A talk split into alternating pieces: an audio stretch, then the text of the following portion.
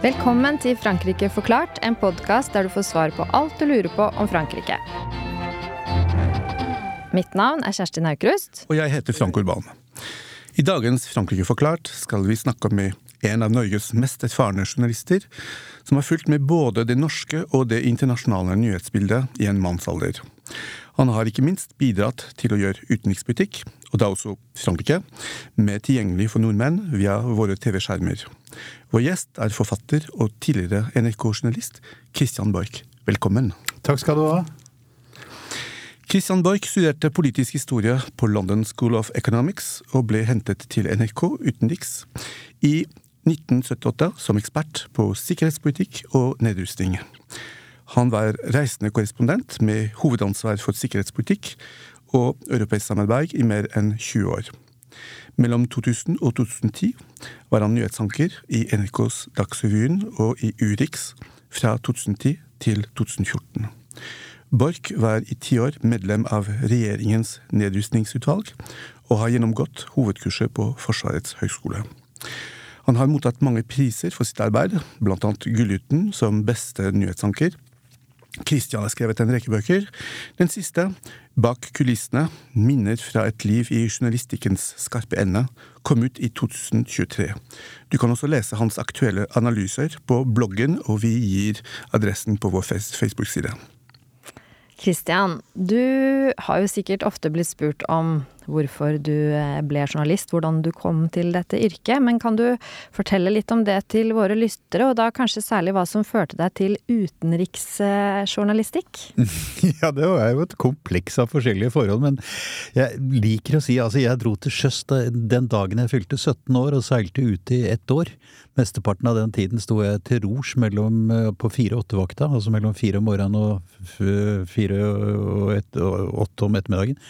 Og jeg styrte da denne her svære tankeren ut i absolutt alle verdens soloppganger og alle verdens solnedganger over alle hav verden rundt, og det var altså en helt poetisk opplevelse. Den derre følelsen av alltid å være på vei, på, på vei, og hele tiden til et sted som jeg visste jeg skulle reise fra. Det satte seg på en måte som en god følelse. Og så var det det at jeg skrev hjem epistler og brev i alle mulige retninger absolutt hele tiden, øh, om ting jeg opplevde som var totalt annerledes enn det min familie og mine venner og sånn opplevde. Genovas havnekvarter er, for å si det slik, noe annerledes enn mitt oppvekstmiljø i Holmenkollåsen. Og så fikk jeg en respons tilbake som var altså så positiv og så engasjert at jeg tenkte at dette her er jo bare helt strålende, dette vil jeg fortsette å gjøre.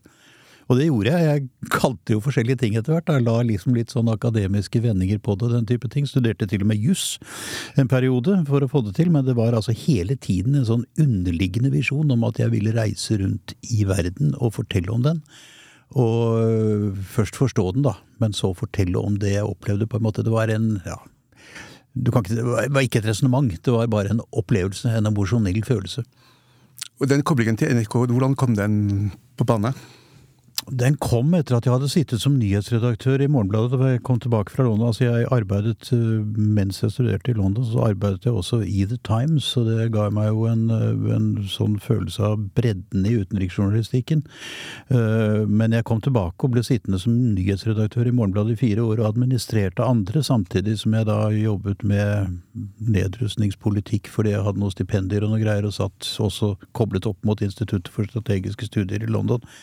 Og så fikk jeg dette tilbudet fra NRK om å gå inn i utenriksredaksjonen, og det var da punkt én et veldig profesjonelt journalistisk miljø. Det var bygget opp i nyhetsavdelingen der i løpet av noen år en, en veldig, veldig, veldig sånn rent profesjonell holdning som huet meg sterkt.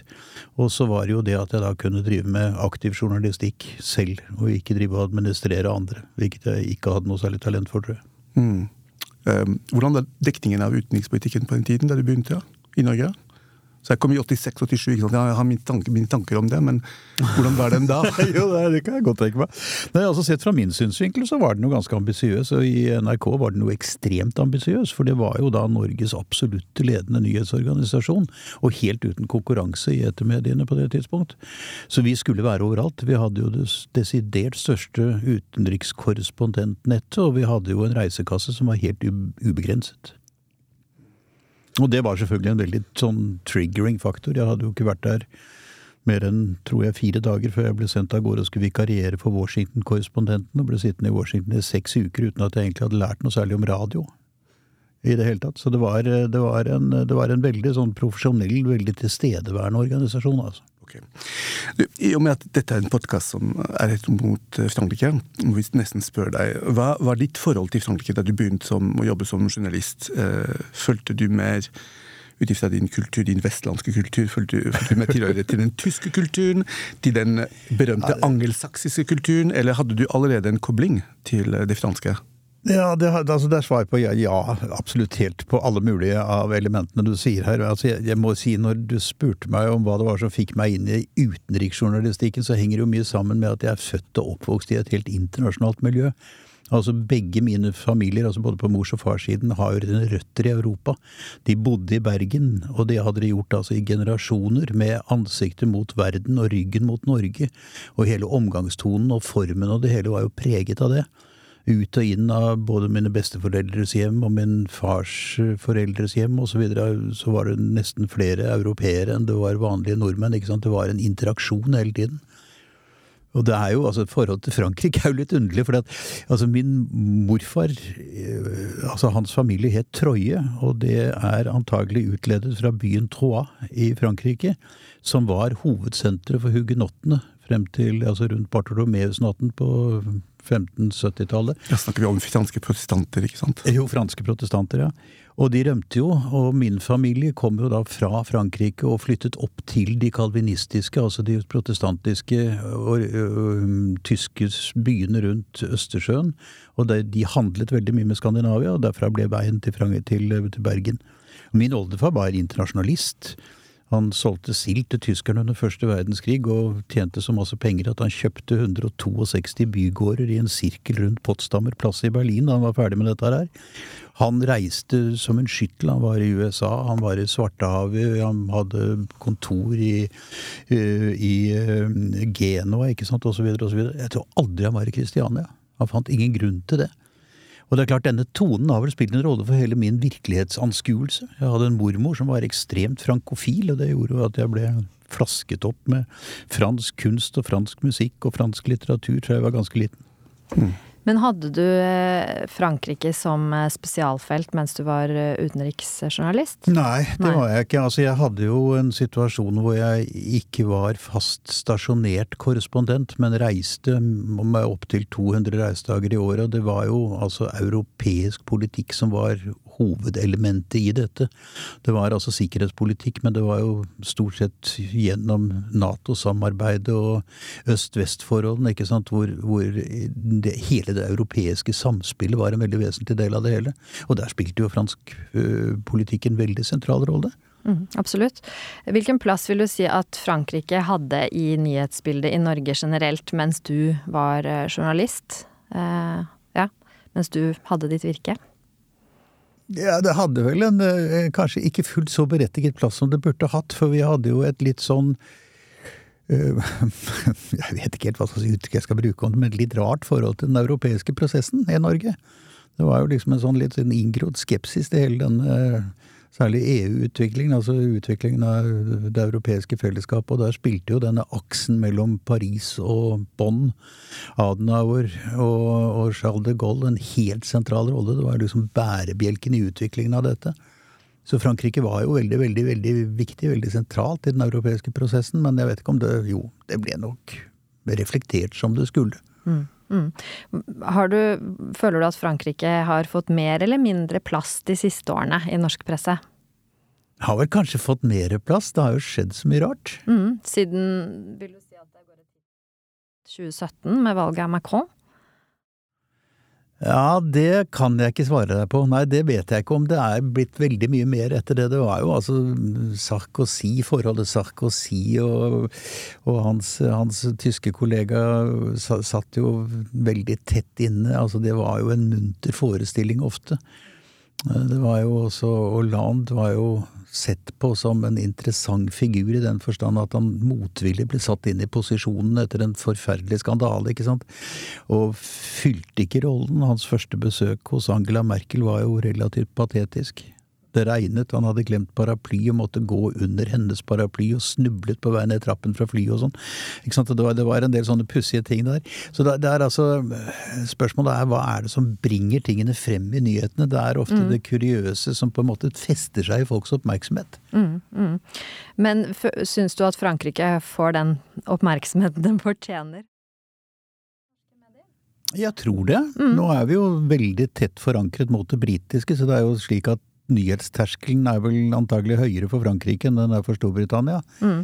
Uh, Tyskland har heller ikke så veldig stor dekning i norsk presse, merkelig nok, til tross for at norsk næringsliv og uh, praktisk samarbeid på en rekke andre plan er liksom tettere og mer velutbygget med Tyskland enn det er med Frankrike, har jeg inntrykk av. Mm. Det er vel et eller annet med at den litt sånn uh, protestantisk alvorlige måten å handle på huer nordmenn bedre enn den lekende, litt litt uh, elegante, litt uh, pikante måten å være på som franskmennene har. men, men, kan det henge sammen med at uh, det er kanskje flere journalister nå som kan språket, som kan kulturen, som er kanskje hvor det er kanskje lettere for dem å formidle hva som skjer i Frankrike, fordi at man de facto har fått kanskje flere journalister i systemet som kan språket, og som kommer mer, altså lettere i kontakt med befolkningen å få oversikt over politiske prosesser? Hva, hva, det kan nok tenkes. Altså det, det, kan, det, er vel et, et poeng at, at uh, utdannelsesnivået blant journalister er jo blitt betydelig høyere. Altså, men det er vel ingen som ikke har en mastergrad, eventuelt en ph.d. blant dem. Sånn, og der vil jo også språkkunnskapene da ofte være bedre. Men det er et interessant poeng det der, fordi at fransk var jo uh, et dominerende diplomatisk språk da jeg begynte, og jeg snakket fransk, jeg brukte fransk, jeg intervjuet på fransk. Men opp gjennom slutten av av 80-tallet og 90-tallet ble dette gradvis fadet ut fordi engelsk ble mer og mer påtrengende. Og særlig etter at eh, Berlinmuren falt, tror jeg, for da kom jo en rekke andre aktører inn med helt andre språkgrupper, og engelsk ble mer og mer en sånn common denominator. Mine franskkunnskaper råtnet på rot, men det var altså ikke lenger nødvendig å bruke dem. Mm, det gjenspeiles altså i bruken av fransk i EU-systemet, hvor eh, fransk ble jo utkonkurrert av, eh, av engelsk i alle offentlige EU-dokumenter. Det gjorde det, og det er vel ikke helt unaturlig. For altså, franskmennene var veldig dominerende når det gjaldt utviklingen av det moderne diplomati. Og derfor var fransk også helt sentralt i, eh, i, i omgangsformen og hele tonen som, som, grunnleggende språk den gangen. Men så ble dette forandret, annet fordi at så mange andre språkgrupper kom inn i bildet, at det var behov for ett felles språk, og det var flere som kunne engelsk. Mm. Samtidig så er jo den eh, engelsk sin posisjon innad i EU-systemet eh, e er jo eh, i ferd med å endres noe etter brexit, da. Hvor, hvor, Frankrike i hvert fall forsøker å se sitt snitt til å, ja. til å fremheve fransk sin mm. posisjon ja. i, i, det europeiske samarbeidet igjen.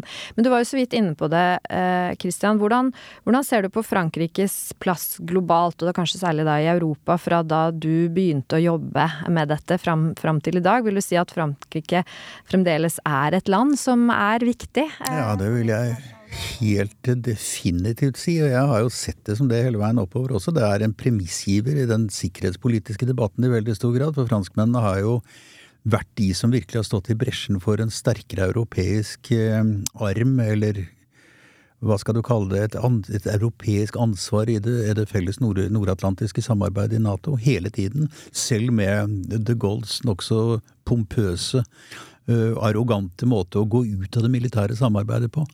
Franskmennene spilte jo en vesentlig rolle i det politiske samarbeidet, som jo er desidert det viktigste i Nato hele veien oppover, og er kommet tilbake i den militære alliansen for full mugge. Og jeg vil jo si at det har, en, det har jo en uh, en ganske klar effekt, da, at stadig kommer aksentuerte problemstillinger som er bygget opp med politisk gode resonnementer om dette med å styrke det europeiske elementet. Man kan jo si at noen har brukt litt voldsomme uttrykk når Macron kaller Nato for hjernedød, ikke sant, så er det litt voldsomt. Så den språklige tradisjonen slår kanskje litt sånn forskjellig ut da, på mange måter. Det er klart det, gir altså en, et emosjonelt tyngdepunkt i debatten som ikke burde vært der, på en måte. Men det er allikevel helt klart at Frankrike spiller en rolle når det gjelder dette. Kommer opp med forslag og spiller en vesentlig rolle. Frankrike gjorde jo en glimrende jobb når det gjaldt utviklingen av en ny internasjonal avtale om miljøvern i 2011, var det vel med, med Korr-avtalen. Og da var det jo fransk diplomati som virkelig slo ut så det monnet. Og det er klart, sånt setter seg i folks bevissthet, altså. Mm. Kan vi snakke litt om, om aktualiteten, aktualiteten? I, I 2005 så skrev du boken 'Ramis vei stemme fra en krig', om konflikten i Midtøsten. Og jeg synes at Det går nesten ikke an å avslutte 2023 uten å ta opp opptrappingen av krigen mellom Hamas og Israel. Hvordan så, du på, hvordan så fremtidsutsiktene ut i 2005 kontra i dag for deg, da du skrev boka?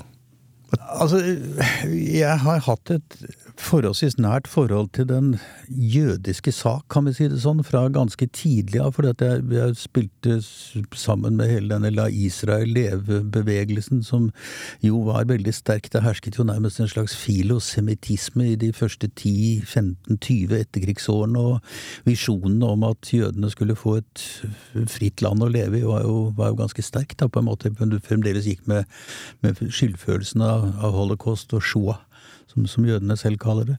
Men så skjedde det jo ting i, i, israelsk politikk som gjorde at mitt syn ble ganske forandret. Altså 1982 ble et vendepunkt hvor Ariel Sharon jo leder an i en krig for å plassere sine medspillere, som er en ren gangsterorganisasjon, så vidt jeg kan bedømme det, nemlig de kristne falangistene i presidentstillingen i Libanon, som var altså et renkespill med maktbruk som lignet grisen. Han hadde jo ikke engang orientert sin egen statsminister om det.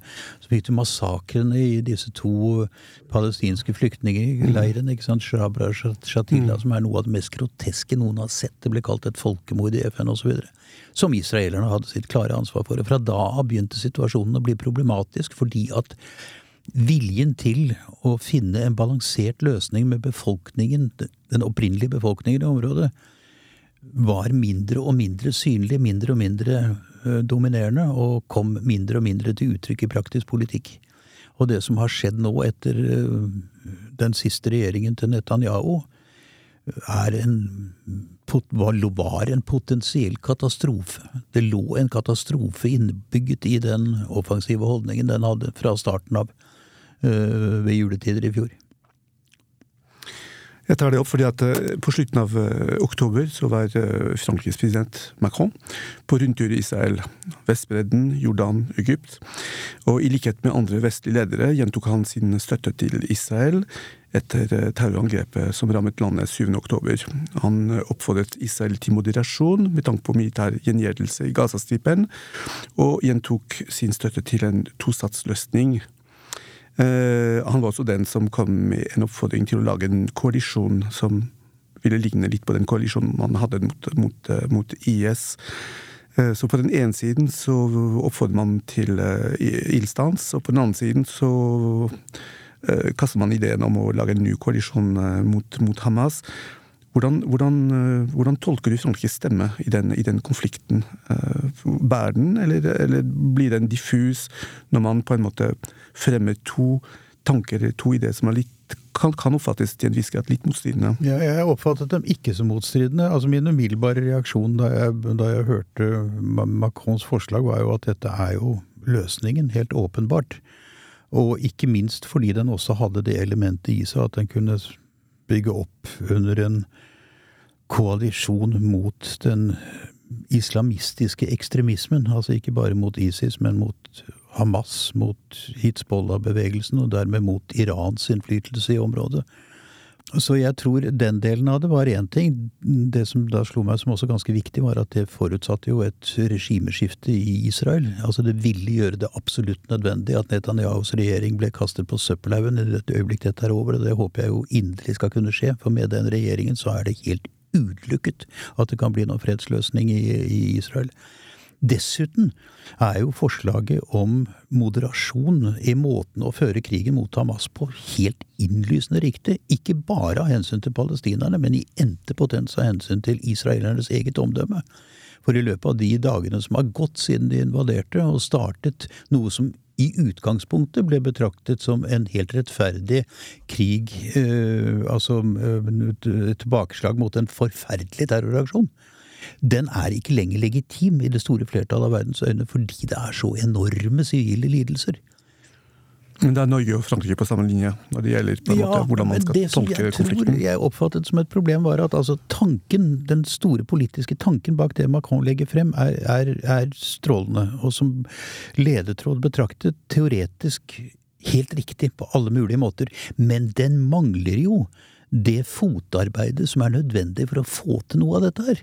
Altså Den fremlegges jo uten at jeg kan se at det har vært drevet noe særlig aktiv form for diplomati i de kretser hvor han trengte støtte til dette. Og dermed Ja, altså jeg mener jo at, han, at, at hvis dette var forberedt gjennom et nitid diplomatisk fotarbeid på forkant, f.eks. For med amerikanerne, kunne du fått den amerikanske reaksjonen til å støtte opp under det. Og den er ganske avgjørende. For i USA står du jo altså med en blind tillit og sympati for Israel på alle mulige måter, samtidig som Biden forsøker å advare. Du, før vi runder av, så eh, lurte vi på om du kunne fortelle oss en eh, episode hentet fra din lange karriere som journalist, hvor du på en eller annen måte kom i møte med den franske kulturen, eller franskmenn. Har du en anekdote å dele med oss? Ja, altså Ja, det kan jeg vel for så vidt. Det kunne vært mange anekdoter av det, for jeg har jo vært fryktelig mye i Frankrike på forskjellige måter, både hist og her, holdt jeg på å si. Men det som har, tror jeg, gjort sterkest inntrykk på meg, er at jeg og min franske halvpart, holdt jeg på å si, altså min bedre halvpart som det kalles, jeg kaller henne gjerne min bedre syv åttendedel, vi gikk sammen med de gule vestene under disse massedemonstrasjonene i Paris. Og det var ganske tankevekkende. Altså alt den teorien du tenker når du skriver sånne politiske greier, og analyser som kommer fra statsvitere, og det hele, de er verdifulle nok. Men når du får liksom ordene direkte fra hestens munn, som det heter, så blir det spesielt. Altså, vi gikk timevis sammen med dem, ikke med gule vester, men det var ikke langt unna, for vi var liksom midt inni dette her hele veien bortover. Og det var blant annet en fyr som gjorde et uutslettelig inntrykk på meg. Det var altså en livstrett eh, kar i slutten av 40-årene som gikk og kjederøkte Gaulois uten filter. Han fortalte at han var smelteverksarbeider, bedriften hans var blitt globalisert, jobbene forsvant, han kunne ikke noe annet, så han hadde ikke noe annet å gjøre. Eh, trygden, det han trodde var et velferdssystem som hadde vært med på å betale, førte ikke til at han klarte seg å leve mer enn 14 dager etter at dette var kommet. Ellers måtte han bare leve fra hånd til munn. Ekteskapet hans sprakk. Eh, Alt var bare helt håpløst. Og så sier han noe som jeg tror er ganske tankevekkende. Paris hørte oss jo ikke. De så ikke at vi som millioner av arbeidsløse mennesker på grunn av globaliseringen, på grunn av den finans, internasjonalt finansvennlige politikken, ikke hadde noe sted å gjøre av oss. Og det vi trodde var en støtte i det demokratiske systemet, altså at de politikerne vi hadde valgt til å bidra til å gjøre Frankrike til et godt samfunn for oss alle, de var helt uinteressert i oss. De satt der i Paris og så en annen vei. Det var altså et uttrykk for ikke sant, det vi har sett som en form for elitisme. Det han sier, tror jeg er representativt for mye av det som har skjedd, ikke bare i Frankrike, men i hele den vestlige verden etter den i finansstyrte formen for politikk som har dominert eh, Europa etter 1980-90-tallet, spesielt sterkt etter Berlinmurens fall, hvor du altså ikke har hatt en politisk kontroll over den økonomiske veksten i så stor grad at den har kommet samfunnet til gode. Og det tror jeg er veldig tankevekkende. Fint. Da er det på tide å runde av. Og på slutten av hver episode ber vi vår gjest om å komme med en fransk eller en frankofon anbefaling. Christian, hva er din anbefaling til våre lyttere? Jeg har jo veldig stor sans for Annie Ernauds forfatterskap, da. Må jeg si. Altså, hun hun er seg selv lik i sine bøker, så jeg kan liksom ikke anbefale den ene fremfor den andre. Men jeg vil si at hun har et hovedverk som jeg akkurat nå ikke kan fortelle deg tittelen på, men det kan du. Liz Annie? Ja, ja.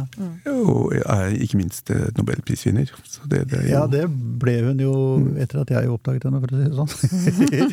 så det var en annen ting. Kjerstin, har du en anbefaling? Ja, jeg skulle egentlig anbefale en uh, dokumentar som lenge har ligget på NRK, som heter uh, Det franske kolonirikets fall, som jeg syns er uh, veldig interessant. Men, men jeg oppdaget at den snart skal fjernes fra, fra NRKs nettsider, så den er nok dessverre forsvunnet når denne episoden går på lufta. Og siden vi nå nærmer oss jul, så tenkte jeg skulle anbefale fransk julemusikk. for å contrebalancer det, det amerikanske dominansen. Hvis du er lei Mariah Carey, så sett på eksempel Cantique de Noël, som er den franske originalversjonen av O helga natt. Det er min juleanbefaling. Veldig fint. Men da gjenstår det bare å takke vår gjest Christian Borch. Dette var faktisk siste episode av Frankrike forklart, sesong åtte. Vi gleder oss veldig til å være med uh, dere videre i sesong ni i 2024, med nye spennende temaer og flere fantastiske gjester. Vi ønsker alle dere ute en god jul og et godt nyttår. A bientôt! A bientôt! Frankrike forklart er et samarbeid mellom Universitetet i Oslo og Høgskolen i Østfold.